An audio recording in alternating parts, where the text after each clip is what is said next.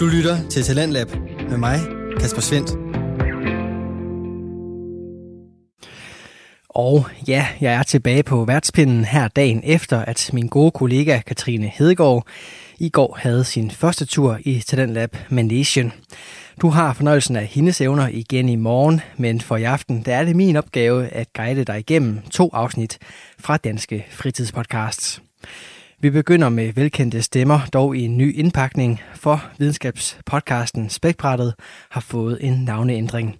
Du får nu derfor præsenteret finurlig forskning fra podcasten Videnskabeligt Udfordret. Men de arbejder også på dem, der hedder hemorrhagisk feberviruser. Og nu ringer det nok en klok for jer to, men til jer lytter derude, det er nogle af de farligste viruser, der kender. Og det var også nogle, de begyndte at arbejde med russerne.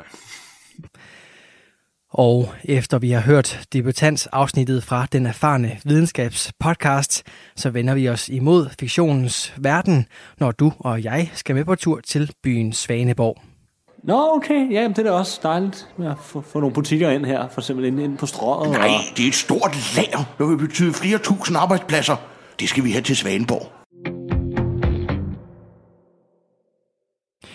Inden vi hopper helt ind i aftenens program, så skal jeg huske dig på, at hvis du selv sidder derude med en fritidspodcast, som du har lyst til at dele med endnu flere, samt deltage i vores podcast udviklingsforløb, så kan du også sende den ind her til programmet. Det gør du ved at gå ind på radio4.dk og udfylde vores Talentlab formular, hvor du kan vedlægge et afsnit eller en smagsprøve på din podcast og sende den ind til os. Der er ingen begrænsning for, hvad din podcast den kan eller skal handle om, for her i programmet, der tror vi altså på, at det du har at fortælle, det har vi lyst til at dele. Der er heller ingen krav til længden på din podcast afsnit, eller hvor tit du sender sådan et. Og så skal vi skyde denne omgang af. Det bliver med en portion mikrobiologi, skræmmende våbenudvikling og et kig ind til konspirationsland. Hele den kombination får du fra den altid spændende videnskabspodcast med Mark Lyng, Flemming Nielsen og Nikolaj Hansen. De plejede at gå under navnet Spækbrættet, men fra årsskiftet så har den altså ændret navn til Videnskabeligt Udfordret. Og det er altså første episode med det nye navn, som du skal lytte til her. Jeg synes selv, de tre værter begynder året med et højdepunkt i deres podcast karriere, og her der skal du høre, hvorfor jeg mener det. Hej og hjertelig velkommen til Videnskabeligt Udfordret. Din bro til vanvittig videnskab. Jeg er et helt nyt menneske, Mark Lyng. Jeg er legenden Flemming. Og jeg er bare ham, der bor i buret, Nikolaj. Vi bringer en advarsel. Den følgende podcast handler om vanvittig videnskab. Al forskningen, der præsenteres, er 100% ægte og udført af professionelle. Mark og Flemming står ikke til ansvar for eventuelle misforståelser, men minder jeg om, at de altid har ret. Husk at være dumme.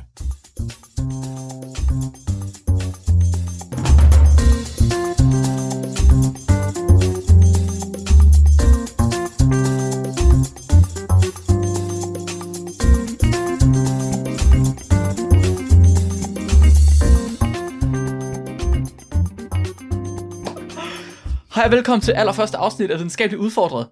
Det er øh, jo vores rebranded podcast, som tidligere har heddet Spækbrættet, men som nu er hedder noget, der passer bedre til det, vi laver. Så øh, jeg tænker, de fleste af dem, der er her og hører det her nu, de har nok hørt os tidligere. Der er nok nogle få, der ikke har hørt os før. Øh, hvis I er nye, velkommen til. Tusind tak, fordi I hører med. Vores podcast er en podcast, hvor vi snakker om vanvittig videnskab, og hvordan at forskere de også får sindssyge idéer i deres brusebad. Og høns. Og høns og andre tosserier fra laboratoriet. Det er simpelthen det, vi gør, det vi kan. Så øh, mit navn det er Mark, som sagt. Der er også Flemming og Nikolaj, og vi er alle tre uddannede molekylærbiologer. Så vi har en idé om, vi ved en lille smule om videnskab. Og det er så den viden og videnskab, vi øh, bruger til at prøve at forklare jer noget om videnskab. Og om sindssyg videnskab. Og os selv. Og til vores øh, allerførste afsnit i dag, der skal vi snakke om biokemiske våben. Fremtidens krig. Vi skal snakke om, hvordan at mennesket har prøvet at slå, slå hinanden ihjel med ubehagelige ting, både tidligere, hvordan vi, hvordan vi gør det nu, og hvordan vi kommer til at gøre det i fremtiden. Det var en, øh, en idé, jeg fik, fordi det blev obligatorisk på kandidatuddannelsen i biokemi, at du skulle have sådan en, øh, en, en talk fra en person fra forsvaret. En talk. som, ja, som kom ind og fortalte os, at de der mega sygdomsfremkaldende bakterier, vi står og arbejder med, de er faktisk farlige. og så tænkte vi, hold da op. Og, og den der talk gik basically ud på, det I laver, det er farligt. Fy for pyffer, og så, øh, så, og så, så afsluttede hun med, efter at have fortalt os en masse ting, vi godt vidste, så sagde hun lige, vi skulle holde øje med, om der var nogle af vores kollegaer eller medstuderende, der opfører sig mærkeligt. og så der kunne jeg godt lige mærke, at jeg tænkte, du har tydeligvis ikke været på universitetet så længe. Det, jeg har ikke mødt nogen, der ikke opfører sig mærkeligt, som er det. Uh, så sk- Jeg er mega paranoid nu. Jeg tror alle sammen vil slå mig ihjel med polio eller et eller andet, fordi jeg de opfører sig som jeg de skulle gør. til at sige, at du skulle bare have svaret sådan flabet tilbage, når de sagde, og de bakterier arbejder med, de er farlige. Så skulle du sagt, ja, og det, og det gevær, I bruger i hæren, det kan slå folk ihjel. Så kunne du bare sagt tilbage. Til gengæld smager det godt. Det er også sindssygt, fordi det er fandme ofte, at man hører til en eller anden julefrokost, at der er en eller anden, der sidder og siger, Nå jamen, jeg har jo også øh, etik til at ligge ind i fryseren. Den har kun slået 40 millioner børn ihjel. Hvorfor har du den til at ligge i fryseren? Vil du godt lade være med det? Det er et samlerobjekt. Er det ligesom på, altså for nogle af de der mikrobiologer, der er øh, sygdomsomkaldende bakterier bare ligesom Pokémoner. ja. Ja. ja. Hvor mange, de bytter jo også med hinanden nogle gange. ja, det er ikke engang løgn. Og de, Det ud, og, de, og de udvikler sig også. Men Der er ikke engang rigtig meget kontrol med, hvordan de sender dem til hinanden. Altså nogle gange så er det bare sådan med posten. Får du bare sådan en Altså offic- officielt set, så er der kontrol. Nå, Uofficielt set, det her det er der ingen, der har hørt fra os. Uofficielt set, så er der ingen kontrol. nej, det sag, jeg sagde ikke noget, undskyld. Det er seriøst, det er uden pis. Jeg har engang fået sendt en på et stykke, øh, altså køkkenrulle. det, det, det, det kunne lige så godt være en eller anden tosse, der har snottet det der køkkenrulle der, så bare sendt det afsted. Åh, oh, kæft mand. Hold kæft, mand. Nikolaj, hvad skal du snakke om jo, jeg, jeg skal snakke mere om fortiden, og hvordan vi har, hvordan vi mennesker vi har slået hinanden ihjel med biologiske våben. Fordi hvis der er én ting, vi mennesker vi er gode til, så er det at slå hinanden ihjel. Åh oh, ja. Så jeg skal lidt tilbage med, øh, hvordan vi har gjort det sådan førhen i forhistorisk tid, men også mere sådan tættere på moderne tid i hvert fald, før det 20. århundrede i hvert fald, Mm-hmm. op til der. Og så øh, kommer jeg ind bagefter og øh, prøver at fortælle om, hvorfor det stadig er et problem. Så jeg skal snakke om nutidens biologiske våben. Og det betyder selvfølgelig, at jeg skal snakke om, øh, you guessed it, coronavirus. Den kinesiske virus, Mark. Den kinesiske, undskyld, Kina-virusen, China Ja. Man Virus. Ja. er det et forsøg, der kommer fra et kinesisk laboratorium, som er løbet løbsk? Eller hvad er det for noget? Den hedder da Kung Flu.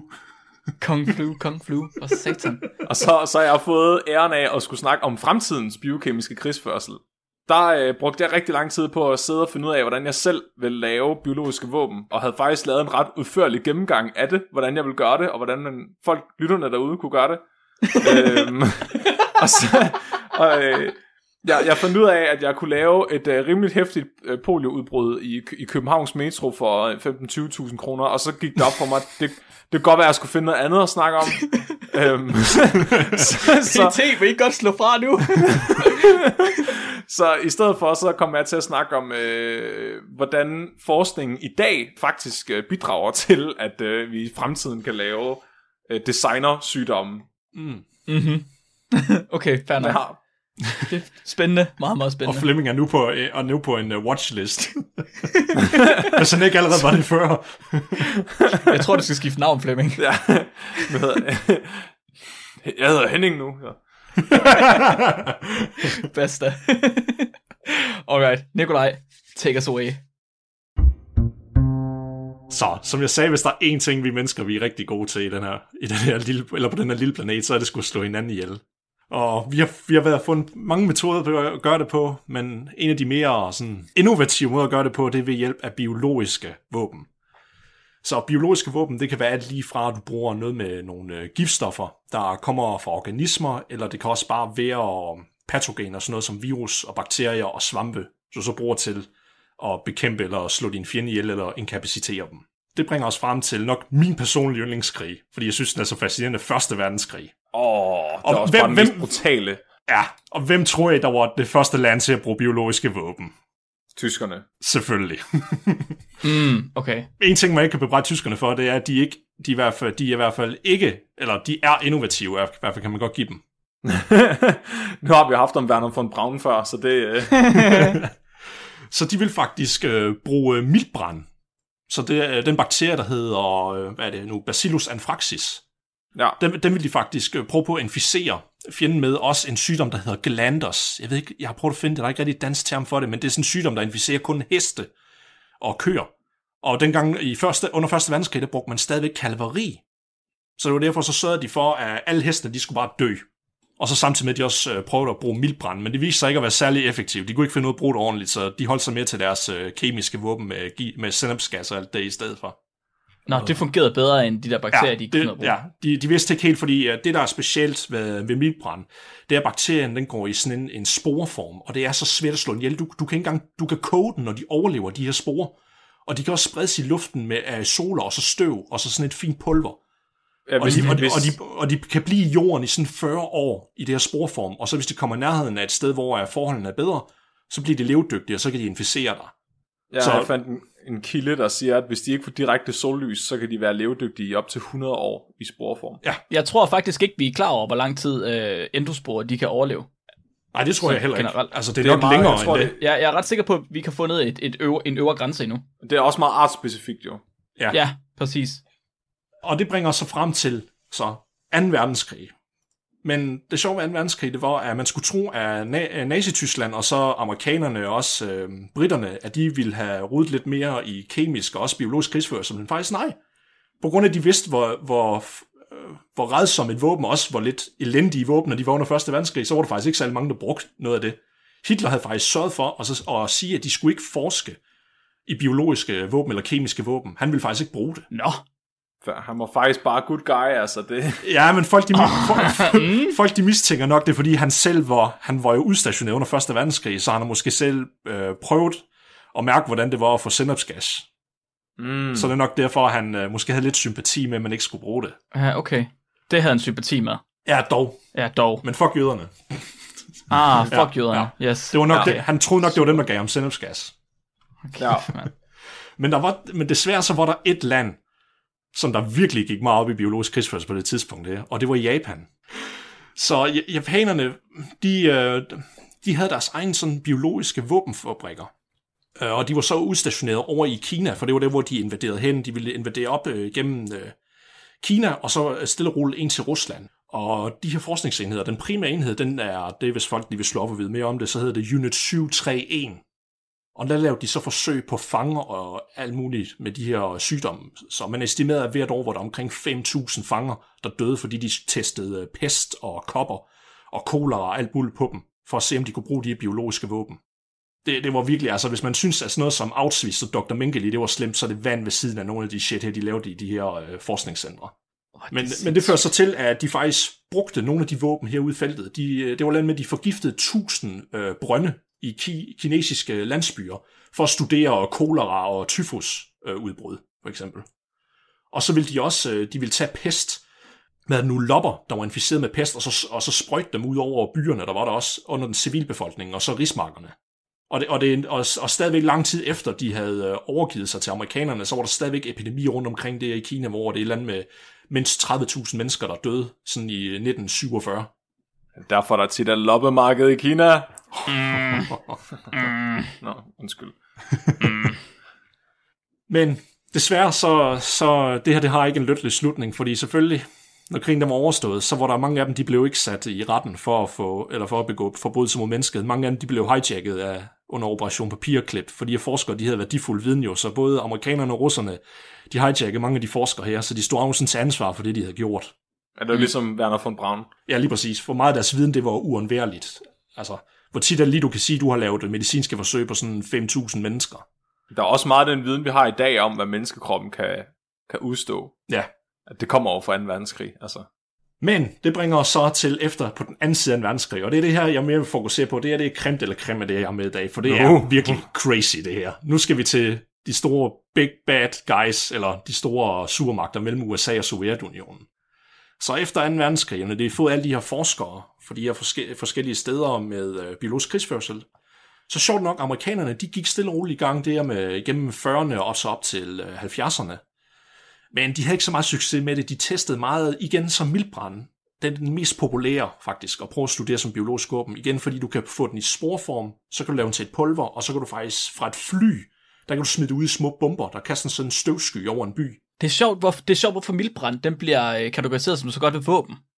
Jamen, jeg, I virkeligheden. jamen, jeg tror, det, det har noget at gøre med, med, at den kan overleve i den tilstand, Ja. så det er nemt at få den hen til øh, dit øh, mål. Men ja, okay, men den kan bare ikke, den kan ikke, øhm, den kan jo ikke inficere men, menneske til menneske. Nej, nej, lige præcis, men, men jeg tror også, det er det, der er fordelen ved den, fordi så ved de, når de rykker en bagefter, så skal de ikke være bange, du ved. Okay, så den er ligesom, Ja. ja, okay, på den måde. Fordi, Og så fordi, spreder det sig heller ikke ud over landegrænserne. Nej, det er også rigtigt. Nej, for en, en af de andre populære sygdomme, den her Augen hørt om, det hedder Tulimary. Tulimaria, Jeg har, eller sådan også noget. lige, jeg har også lige fundet den i dag. Ja, det, det, det hedder harpest på dansk. Nå, Aha. Den var meget populær også at forske i, og det var fordi, den var ikke særlig dødelig, men den inkapaciterede dem, der blev inficeret, så du fik det virkelig dårligt. Men mm-hmm. du døde ikke nødvendigvis af den. Og det var også mm. interessant, fordi den, den, den kunne også, ligesom øh, mildbrand, den kunne også laves øh, til en sporeform, og så sådan et fint pulver, du kunne sprede ud. Så den øh, gik amerikanerne faktisk mere op i at bruge i stedet for som et våben, fordi den ikke var dødelig. Så i det mindste, der var, ja, så i det mindste var de ikke lige så crazy som andre måske. Det er ret sejt, fordi mange, mange af de ting, der er øh, fordele ved, altså, ved at bruge bacillus som et våben, det er også det, der gør dem til fordel ved at bruge dem i industrien. Altså Ja. det, jeg forsker i. Ja, og, og det er det, der sådan er sjovt med, er faktisk det, som vi forsker i, selvom det bliver brugt for menneskets bedste, så meget af det, det kan op Ja. ja. blive brugt til rigtig ondskabsfulde ting. Ja, det er ret spøjst. det er også en tråd, jeg fortsætter i det der. okay, fair nok. Dum, dum, dum. oh shit. Så amerikanerne, de forsker i det, og selvfølgelig, de skulle jo også lave deres eget sådan uh, weaponized uh, strain af, af kopper jo. Så de lavede en dødeligere form for kopper. Men så går vi så ind der i 60'erne i Vietnamkrigen, og der er ikke særlig mange, der bakker op om den amerikanske regering. Uh, de amerikanske borgere, de kan virkelig ikke lide regeringen, og de vil gerne have, at vi skal ud af Vietnam. Det er noget værd lort, det er. Så Nixon, han trækker stikket for deres biologiske våbensprogram, det er lige i starten af 70'erne. Og så destruerede de stort set næsten alt, hvad de havde, og de har så ikke forsket så meget videre i det, af hvad vi ved, i hvert fald. Siger de. Var det ikke godt der, de brugte det der Agent Orange til at dræbe junglen?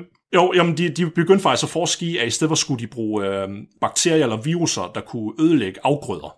Så sådan en ekstrem ja. form for biologisk øh, herbicide, for eksempel.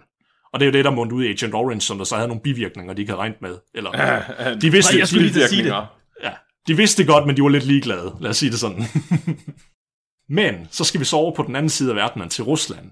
Fordi det er lige efter Nixon, han siger, at de vil skærpe ned på deres biologiske våbensprogram, så er der så en øh, stor øh, konvention, der bliver holdt, øh, der hedder The BWC, så Biological Weapons Convention. Mm-hmm. Og det er sådan en udvidelse af Geneva-traktaten, for eksempel, hvor alle sammen, der deltog, de skrev under på, jamen vi, øh, vi øh, stopper produktionen og udviklingen, og også at vi laver stockpiling af patogener og toksiner i sådan kvantiteter, man ikke kan sådan retfærdiggøre, for eksempel. Hvis det er til andet end sådan fredfuldt brug, for eksempel. Mhm. Så den bliver underskrevet i 1972, og russerne, de skriver også under på den. Men i 1970, der havde russerne allerede opført et program, der hed Biopræparat, som der hed, så, og den, det fulde navn var Biological Substance Preparation programmet, mm. som der var deres biologiske krigsførsprogram. Så de skrev under, mens de var i fuld gang med det her. Hold kæft, mand. Dostojevski. Det var, det var virkelig bare, fuck Vesten, vi gør det her. Ja, ja. Det var det, det, var det russerne tit gør. De siger, det er bare i orden, det gør vi, og så gør de, hvad de har lyst til bagefter. Ja, Ja, det, var ja bare det skal sådan, nok. det var bare sådan, yes, yes, Mr. President. No, no, we have no secret weapons. No, no. så, så, og det, det var et eller andet med, at de ville have noget med 16 faciliteter rundt omkring i Rusland, og mindst 60.000 ansatte på de her faciliteter.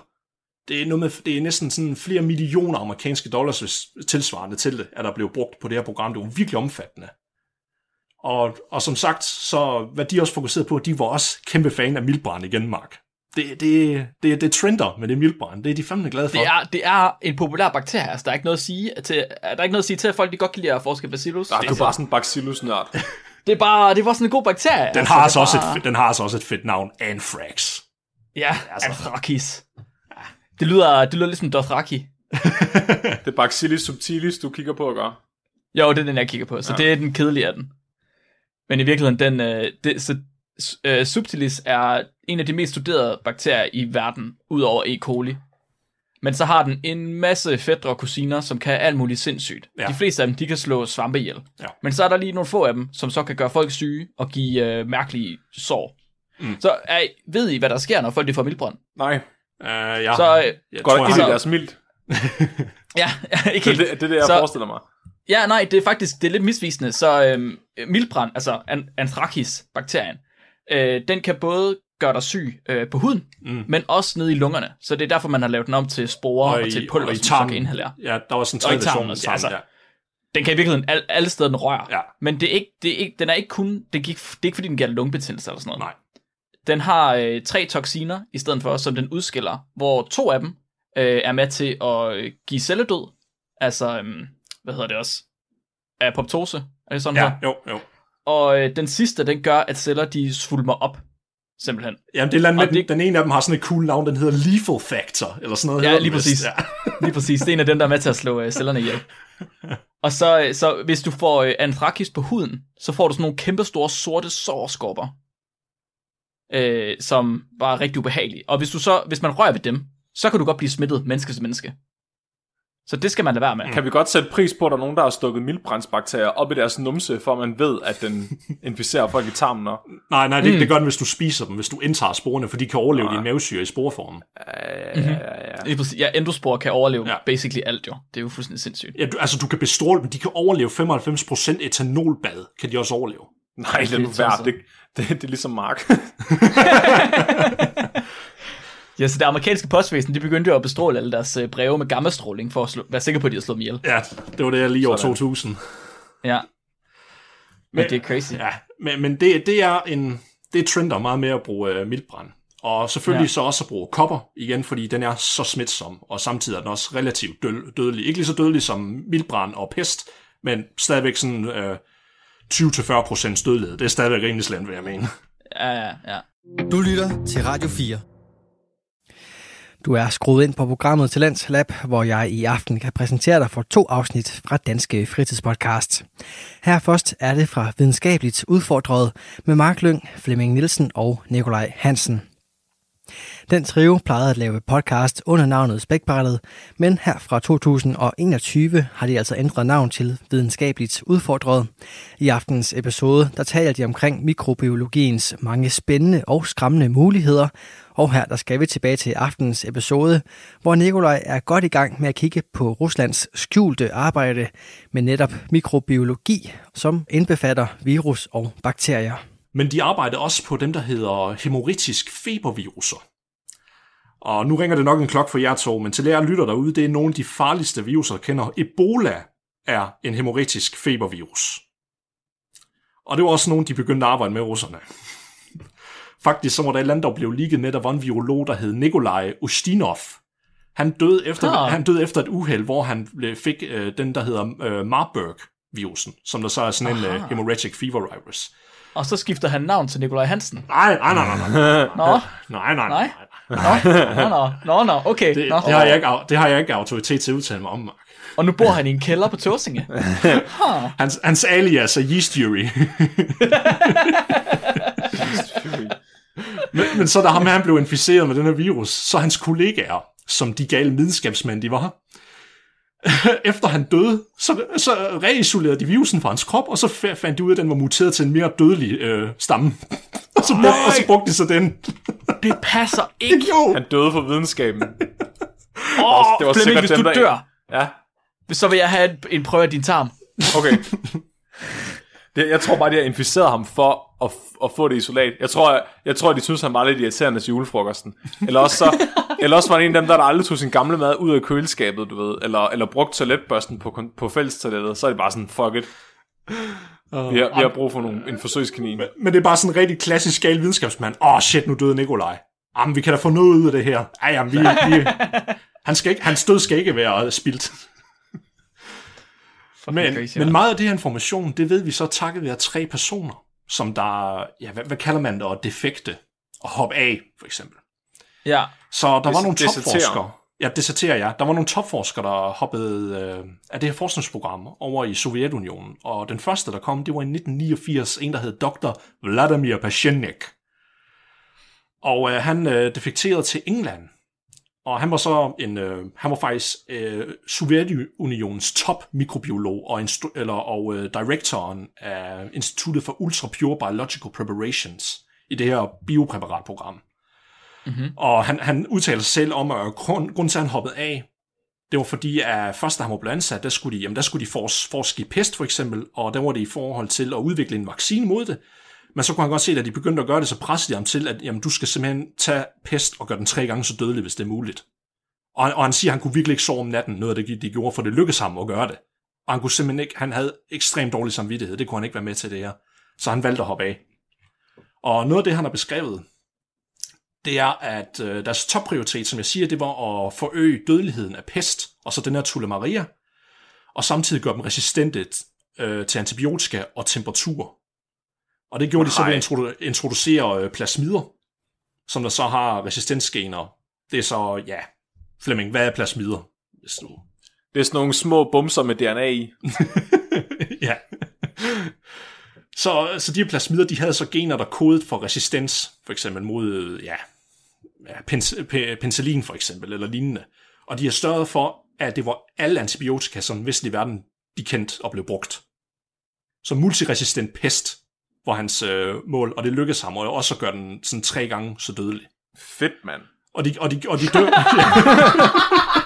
Det er så... Så det skal jeg have. Har du haft en god dag på arbejde, skat? Ja. Jeg bare arbejder bare på jordens undergang.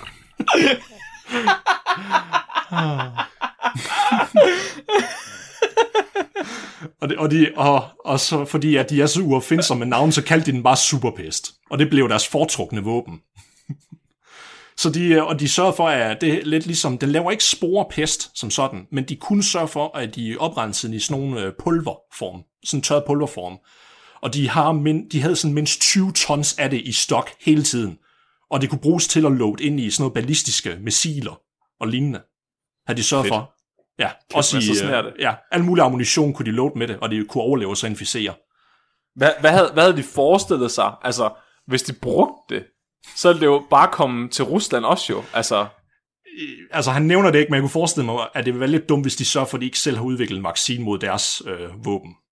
Sputnik nummer 6. Hvorfor, hvorfor flygtede han? Hvad, at det virker som det dummeste for mig. Det er sådan lidt, nu laver jeg lige en, vi, eller en bakterie, der er tre gange så dødelig og resistent over for alle kendte antibiotika. Og så tager jeg til England. Jamen, han sagde, han havde dårlig samvittighed. Han kunne ikke sove Fordi der bomber bagefter. de ikke. Skal han jo gøre, før han? han har gjort det? Præcis. Hvad, hvad, altså, han var, var, han, var han ikke klar over, at de ville give ham specialty, eller hvad? Det ved jeg ikke. At de ville komme efter ham med superpest. Jamen, som sagt, altså, han, han, han, han blev jo ikke altså, myrdet overhovedet. Han, Nej, han, døde, nå, han, nej. han døde af naturlige årsager, og han arbejdede, Ja, ja, ja, han ja, ja. arbejdede, Mm. han arbejdede for Han den, døde, han, han, han kastede bare sort op og gul. Naturlige årsager. Han fik et spontant hul i kraniet. Fyldt med afføring. Oh, han, han kom til at putte cyanid i sin te i stedet for honning ved, ved freak accident. Altså, Shit, man. Åh, oh, shit. Ja, og så samtidig faldt han ud, ud over sin balkon. ja. Ej, han snublede lige over det der gelænder på halv to meter. Hovsa. Men, men, men det syge var, at han, han, han, øh, ham her Pachenik, han havde også i de her 30 år, hvor de eksperimenterede, der havde de også løst mange af de problemer, der var med, det, som, som vi sagde før, grund til, at man kan lide mildbrand, det er fordi, den er så øh, hårdfører. Så du kan nemt bruge den sådan i øh, raketter og lignende, fordi hvis den bliver udsat for høj temperatur og lignende, så skal den nok overleve til, at den rammer dit mål. Fedt. Men så, så de havde øh, øh, andre mikrober, der havde de lavet sådan en atmosfærisk trykkammer inde i missilerne, hvor de så kunne putte de andre mikrober ind i, sådan så de kunne overleve turen. Lidt ligesom sådan, at det var sådan en astronaut-cockpit. Sådan, ja, sådan en kabinetryksystem, de har lavet for, at de skulle overleve bakterierne. Så de havde astronaut-sikret deres bakterier, Ja, for at de kunne bombe USA med dem. ja. Fuck, hvor har Rusland været langt fremme, mand. Oh, ja det er vildt. Og så, og, så, og så var der så den næste, som der så også har været fra. Men hans navn kender vi ikke. Han har kun et kodenavn. Han hedder Tempo Fortune. Er hans kodenavn. Temple Fortune. Senere Nikolaj Hansen. Og det var så i 1992, han kom frem. Og han arbejdede i Pachenix laboratorium, ham jeg sagde før, så han kendte ham. Og han, øh, han ikke bare bekræftede han øh, Pachenix udtalelser og historie, men han øh, tilføjede så også, fordi det var lang tid efter, så det var 30 måneder, der var gået siden, at Pachenik han havde forladt det, så han briefede også lige med, hvad de ellers havde lavet, jo, og hvad de havde været op til. Nå ja. Um, så ikke bare havde de sørget for, at, den, var, at den her superpest, den var blevet resistent til endnu flere, endnu flere antibiotika, der var kommet frem i tidens løb. Så havde de også sørget for, at de havde den i sådan en ikke-violent form. Så det var en form, der ikke var smitsom, og når det var tid til, at de skulle bruge den, så ville de putte den ind i våbensystemet, så ville de gøre det, der hedder transformere den, hvor du genmanipulerer den ind i våbensystemet med et plasmid, og så blev den dødelig, mens den rejste med missil. Mm, detonerer den lige, aktiverer ja. den. Nej! Det, altså, jeg må give dem, det er faktisk virkelig smart. Så hvis, så hvis der er en af dem, der lige taber noget til en julefrokost Jamen, så dør de eller et eller andet, Ja. så nej, så... Nej, så er der ingen far på færre, fordi det er ikke en dødelig åh. version af pest. Hvad? Det er bare sådan en syg party trick, ikke? Lige snip sådan en bane og sådan, noget, øh, sådan nogle pestbakterier, der er pulveriseret. Åh, åh, åh, Se, åh. I går servere tør. Oh god. Og det bringer os så til den sidste, der samme år også kom, og øhm, det var også i 1992, og han hed Dr. Kanaushan Alibikov. Og han var så den tredje defektor. Og han var så nok den højeste rang af alle dem, der er defektet. Han var direktøren af hele det shit her. Og øhm, han ændrede så navn, fordi han bor i Amerika nu, mener jeg. Han hedder Ken Alibek, hedder han nu. og han publicerede faktisk en bog, der hedder Biohazard, som der var hans øh, sådan beretning inden fra det her biopræparatprogram. Um, øhm, skal jeg lige se. Og han, han står så frem og så siger, at jamen, det var allerede tilbage i 60'erne og 70'erne, de allerede var så langt inde i at lave genetisk manipulation af de biologiske våben. Og øh, af hvad han havde set over med af projekter, han havde for eksempel været ansvarlig for, at de lavede, øh, øh, ikke bare lavede de, de her antibiotikaresistente øh, bakterier, men de lavede også viruser, som der var vaccineresistente mod det, som amerikanerne havde gang i, for eksempel. Kan Og vi så sørge for, at lige... de kunne bruges øh, på bomber. Så det du siger til mig, det er, at de var i stand til at gøre det her for 60 år siden. Ja, Så for os, der er den her opdagelse lige så gammel, som viden, at bakterier eksisterer, var for dem. Mm, ja, jo. At det, ikke, det er jo en sindssyg tanke. Så den tid, Ja. der passerede fra, at man opdagede bakterier, til man kunne lave den slags designerbakterier, den tid er forløbet nu, siden de gjorde det dengang. Prøv lige at tænk på, hvad fuck der foregår i Rusland og USA lige nu. Ja. Men hva- hvad? Bakterier var der opdaget i 1600-tallet. Jamen, du var jo først i starten af 1900-tallet, men virkelig var sikker på, at de var en ting. Var det ikke det? Ro- var det ikke Robert Koch, han... Og det var, det var, han, det, det var Koch, øh, Koch og så Pasteur der i øh, midten af 1800-tallet. Ja, Ja, midten af 1800-tallet. Okay, Ja. ja. fint. Den får I. okay, men, men, men om ikke andet, altså dengang, hvor man knap nok klar over, hvordan DNA det var, det så ud. Ja, ja, altså man har jo først fået en ordentlig forståelse for, hvad mikroorganismer var i starten af 1900-tallet. True. Jamen, det er, altså, det, det er imponerende, hvad de har lavet. Jeg, det, er så, det har nok heller ikke været nemt med, med de øh, grove metoder, de havde dengang. Nej, Og han bekræfter så også, at øh, deres, øh, deres Opus Magnus af, af biologiske våben, de havde, det var en, han øh, havde været med til at lave, der hed Miltbrand øh, stamme 836. Og den havde så den tredobbelte potency af en normal Miltbrandstamme. Og så også, at de havde lavet... navne. Ja, Super Mega Death 2000. det her, det er mit mega dræberpulver. mit brændinatoren. Mega, ultra, super, mega kær dræber. Jeg kalder det her super øvpulver. Men det, men det sjove var, at de, uh, ham her, han kom jo ud i 92 og i 90'erne. På grund af ham, den anden, der var hoppet af, så havde Gorbachev og en anden russisk præsident været ude og sagt, jamen, uh, vi nedlægger alle vores våben nu. Vi, vi skal ikke have det mere, vi nedlægger det. Og så kommer der lige en her i 92, og så siger, at de er stadigvæk i gang med det. Og, han, og, og ham her, Alibek, han siger faktisk, at i 92, der var der et, øh, der havde de en sum af 52 forskellige biologiske øh, patogener eller kombinationer klar. Og det var så både, at de havde en øh, weaponized øh, strain af det her Marburg-virusen, Ebola, kopper, og så øh, pest selvfølgelig også, og, øh, øh, og miltbrand. Så har de lige haft 30 år mere til at lave vacciner til dem selv. Ja. Det er siger. Altså, den næste 3. verdenskrig, det bliver eddermænd med ikke atomkrig. Holy fuck! Er det derfor, Rusland var den første til at have en vaccine til coronavirusen? ja, ja. De har den til at ligge i fryseren. De har dem alle sammen. De, de er Pokémon Masteren. Ja. What? De har bare siddet og ventet på, at de kunne give den til deres folk, hvor det ikke længere virkede mistænksomt. Ja! Shit. Vi bare trukket, ventet et par, et par måneder, ikke? Og så lige taget den op på fryseren. Uh, we have invented vaccine. 20 years ago. ja. Hej, hej, lavet human trials. Øh, da. Many human trials. Yes. Og så vil, og så vil jeg lige, og, og så vil jeg lige slutte, og så vil jeg lige øh, runde af her til sidst med sådan lidt dommedagsagtig ting, som Alibek han slutter af med at sige.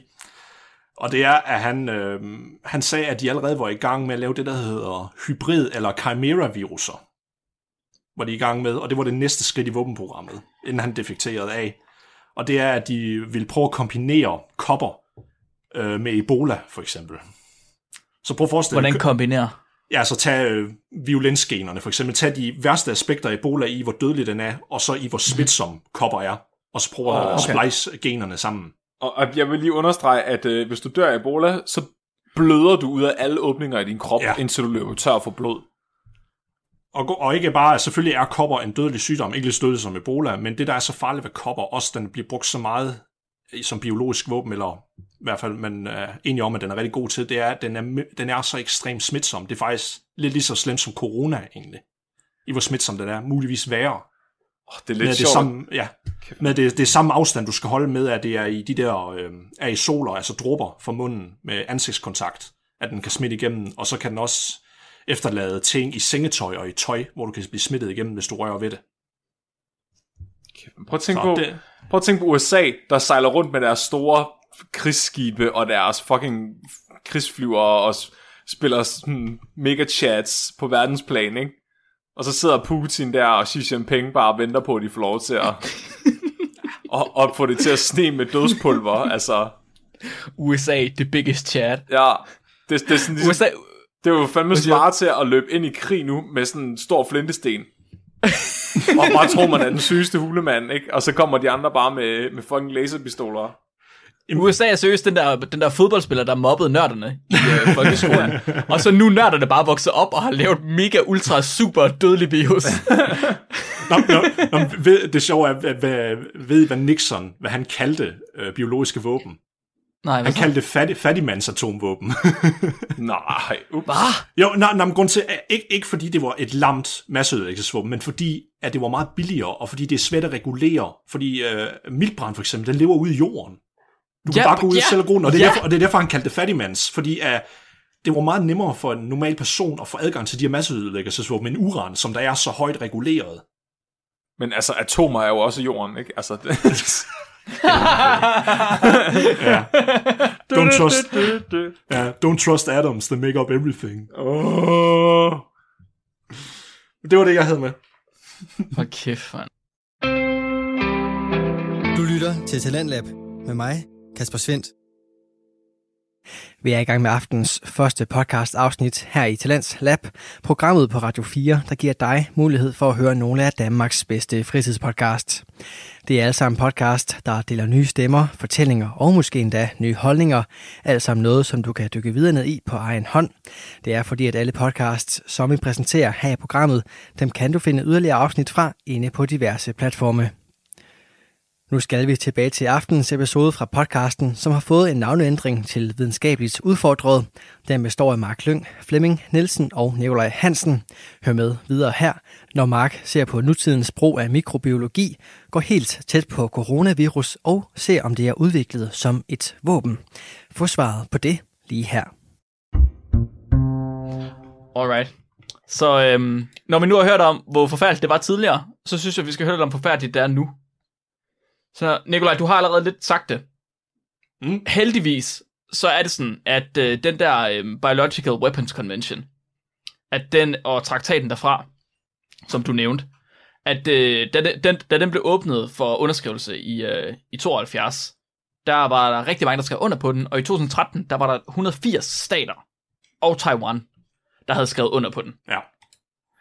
Så det, det er rigtig rart. Der er 180 stater, der har skrevet under på, vi vil godt lade være med at bruge vildbrand til at slå folk ihjel. Eller super ultra mega dødsvirus. Problemet er bare, at vi er ikke sikre på, om de taler sandt. Nej, det kunne vi se Vi, vi ved jo. faktisk ikke, hvad der foregår. Vi er nødt til at få en bedre standard, end at skrive under på en kontrakt. Jeg synes, de skal lave pinky swear. De skal lige, den der, lige gang lillefingeren der, bare for at være helt sikker. ja, ja, ja. Vi kan, så kan vi opfinde den, den nye officielle måde at være øh, at pinkeswear på. Uh, kan vi gøre ligesom i middelalderen, hvor, øh, hvor verdenslederne, de øh, gifter deres øh, døtre bort, sådan så, Ja. at øh, Putin, Ivanka Trump, hun skal giftes med Putins ældste søn. Mm, fordi så ved vi, at de ikke slår hinanden ihjel. Ja, ja, fordi så har Men- Putin jo Ivanka, ikke? Ja, det er måske Men Trump og familie er jo pænt ligeglade med hinanden. Ja. Altså, du ender ud i det der med, du ender ud i det samme problem, du havde i middelalderen også, med brodermor og ja. Ja. øh, fadermor og modermor. Modermor. alle de der mor. det alle lyder, de der mor. Det Det er lyder som et godt bandnavn. Men det er bare lidt, det vil være lidt federe at følge med i international politik, ikke? Fordi så er det blevet sådan noget Game of Thrones. Mm-hmm. Ja, jo, ja, det kunne godt være interessant. Det kunne også give nogle rimelig ubehagelige krige. Så øh, hvis øh, Hitler havde vundet 2. verdenskrig, så havde de været øh, Targaryens. Det havde bare været totalt meget indavl for at, at beholde deres ariske gener.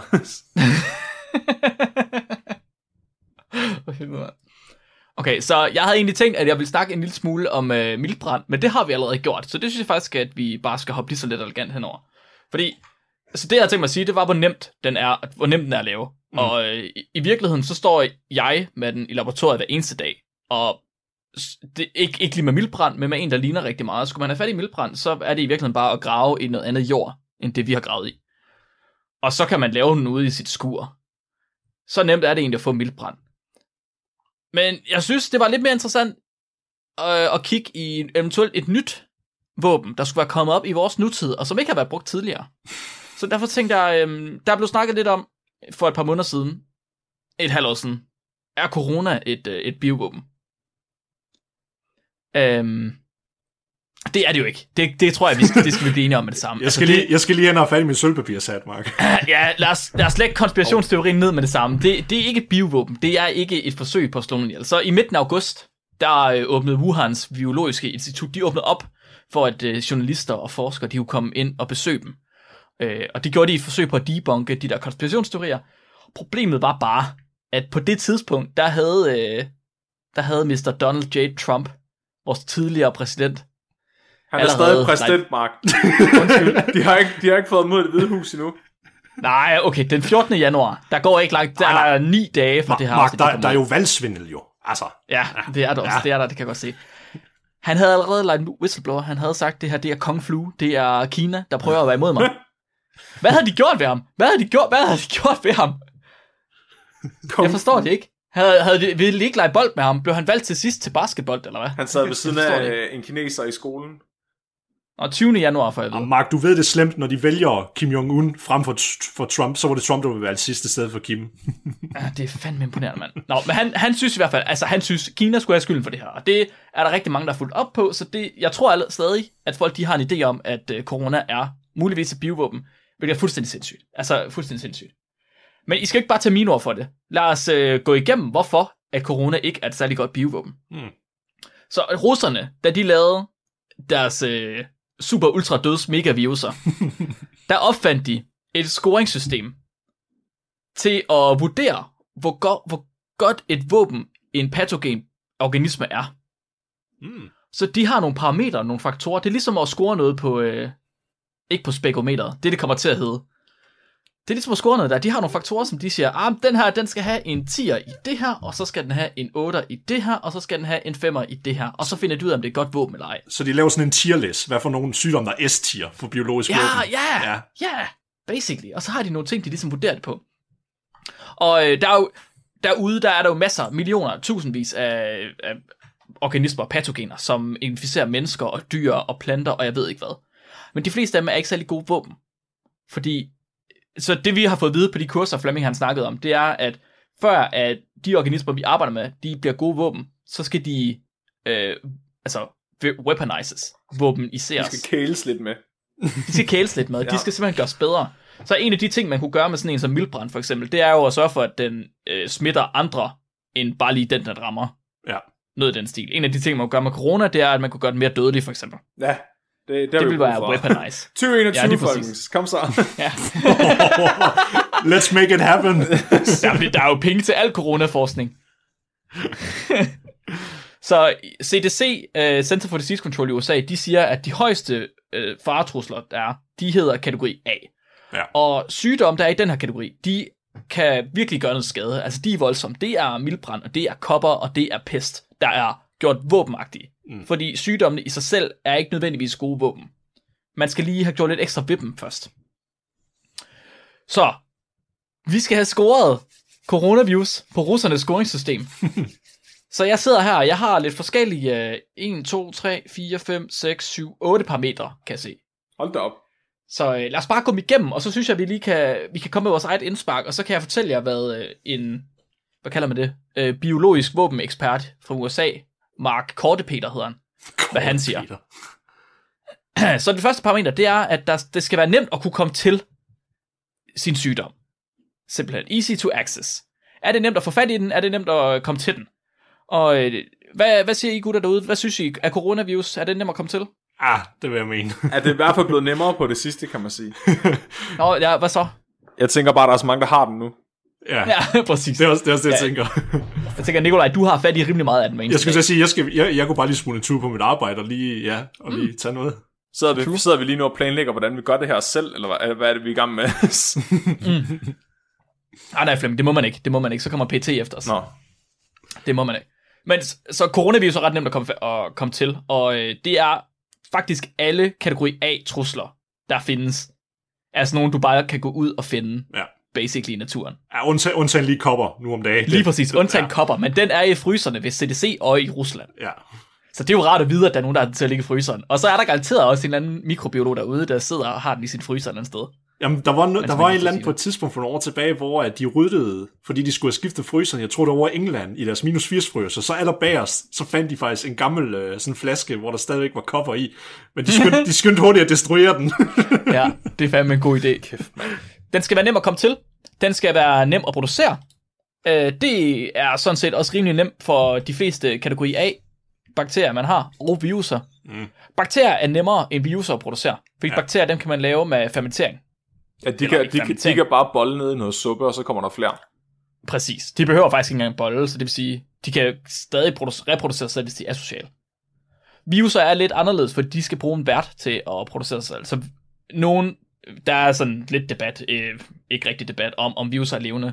Det plejer vi at sige, at de ikke er, fordi at de ikke kan reproducere sig selv, og de ikke har nogen metabolisme. Ja. Så de skal øh, hijacke en vært, før det er, at de kan reproducere sig selv. Så det de er lidt sværere at, at gro, men i virkeligheden, hvis du har en cellekultur øh, af menneskelige celler, så kan du gøre det. Det er egentlig ikke su- super svært. Nogle hellerceller. Uh, hellerceller for eksempel, ja. Så øh, de skal være nemme at komme til, de skal være nemme at lave, så skal de være stabile i atmosfæren. De skal altså, øhm, de skal kunne være udendørs, uden at de går i stykker eller dør. Det gør virus der ser vi jo, nemt, at- ikke? Ja, der har mildbrand ret nemt ved det, Ja. right, fordi den laver endospore. Men øh, coronavirusen, den nye her, den har faktisk ret svært ved det. Pis. Så det var blandt andet derfor, at vi sagde, at der blev sagt, at det er en god idé at øh, opholde sig udenfor i sommer. Det er fordi, at coronavirusen i virkeligheden har ret svært ved at altså overleve på overfladen, specielt hvis der er sollys til stede, eller hvis det er en tør overflade. Ja. Fordi der ikke er nogen vært, den kan Jeg hoppe kan, ind jeg kan ikke huske, hvor langt det er, om det er 48 eller 72 timer max på en overflade, eller sådan noget, men enten dør jeg, jeg tror, det er 72, ja, Ja, alt efter 72. overfladen. Ja. Ja. Så den falder den ned på. Så vi har to faktorer, hvor den er rimelig høj på, en, hvor den er rimelig lav på. Og så er den næste, det er, at det, det skal, øhm, der skal kun et lille antal til, for at sprede sygdommen. Og der, man har det, man kalder for dosistal, som er, hvor mange organismer, du skal have ind i kroppen for at blive syg af det. Der findes nogle bakterier, hvor du kun skal have en enkelt, eller Ja. måske to eller ti. Og så er der bare Der findes- kolera, hvor du bare skal drikke en, en hel liter diarré fra en anden person, der har kolera. Lige præcis. Du er simpelthen nødt til at drikke diarré fra kolera, for at du bliver syg af det. Ja. Og det, det, betyder, det er omkring 100.000 til en million bakterier, du skal have, øh, for at blive syg af kolera. Hvor andre det, så tuberkulose er det 10, tror jeg, vi siger. ja, det er omkring, det er sådan 10 cirka. ja. Øh, og coronavirus, så det tog ret lang tid, for de har fundet en dosis. De fleste, de har estimater på den nu. De siger afsted mellem 100 og 1000 partikler, Ja. før det er, du bliver syg af den. Mhm. Det er ikke øh, forfærdeligt mange, så i en almindelig menneske, der er inficeret med corona, der er noget, der ligner en milliard altså viruser per milliliter væske. Så der, der er rigeligt at tage af. Så det er faktisk, ja. der, er, også- der er masser af, bak- af viruser. Jeg bliver med at sige bakterier, det er fordi, jeg er, jeg er skadet. Ja. Så øh, den femte parameter, en høj procentdel af de inficerede mennesker, de skal blive syge. Det har vi jo ikke i virkeligheden. Jeg ved ikke, hvorfor det er vigtigt for, at det er et våben. Det er Jeg vel tror, jeg, jeg tror, når de mener syge, det betyder ikke at nødvendigvis, at den er dødelig, men det skal bare være, at den kan inkapaciterer målet. Mm-hmm. Tror jeg, det nok er det, de mener. Det er jo, Fordi det, ellers, altså, ellers så er det jo ikke et våben, du har jo, hvis, hvis folk de ikke lider noget overhovedet med det jo, så det er det et våben. det vil være ligesom at have en pistol, hvor der bare kommer et flag ud, og der står bang. Ja, præcis. Nå ja, men hvis du så kan blive stresset af det der, øh, du ved, af forskrækkelsen, Flemming. Ja, det er selvfølgelig rigtigt. Men hvis du ikke ved, du har det, Så skal, Nej, Nej, det er du, så rigtigt. skal du håbe, at, øh, at, at, at dine modstandere har kardiovaskulære problemer og falder om af et slagtilfælde ved chokket. ja. Jeg, jeg kan fortælle, at Mark Kortepeter, han siger, at øh, så han har ligesom set, at omkring op til 40% eller sådan noget i den stil, de er asymptomatiske og har en asymptomatisk infektion. Og ikke nok med det, så individer, der er 18-24, hvilket er størstedelen af verdens herrer, de øh, ser også ud som om, de ikke rigtig får, får sygdom af det. Hmm. Så det er en ret dårlig virus at bruge til krig. ja. Hvis ikke du kan gøre den anden, øh, det, du ved, modstanderens her syg af den, så kan det ikke rigtig mene at bruge den. Men Så det er måske smart nok, du kan gøre alle de gamle mennesker syge, men Ja, ja, ja, ja, men ikke dem, der er i krig. Men Mark, hvad nu hvis det var, at kineserne de har spredt den for at destabilisere den vestlige økonomi og for at vælte Trump til det næste valg? Nå ja, det er den næste.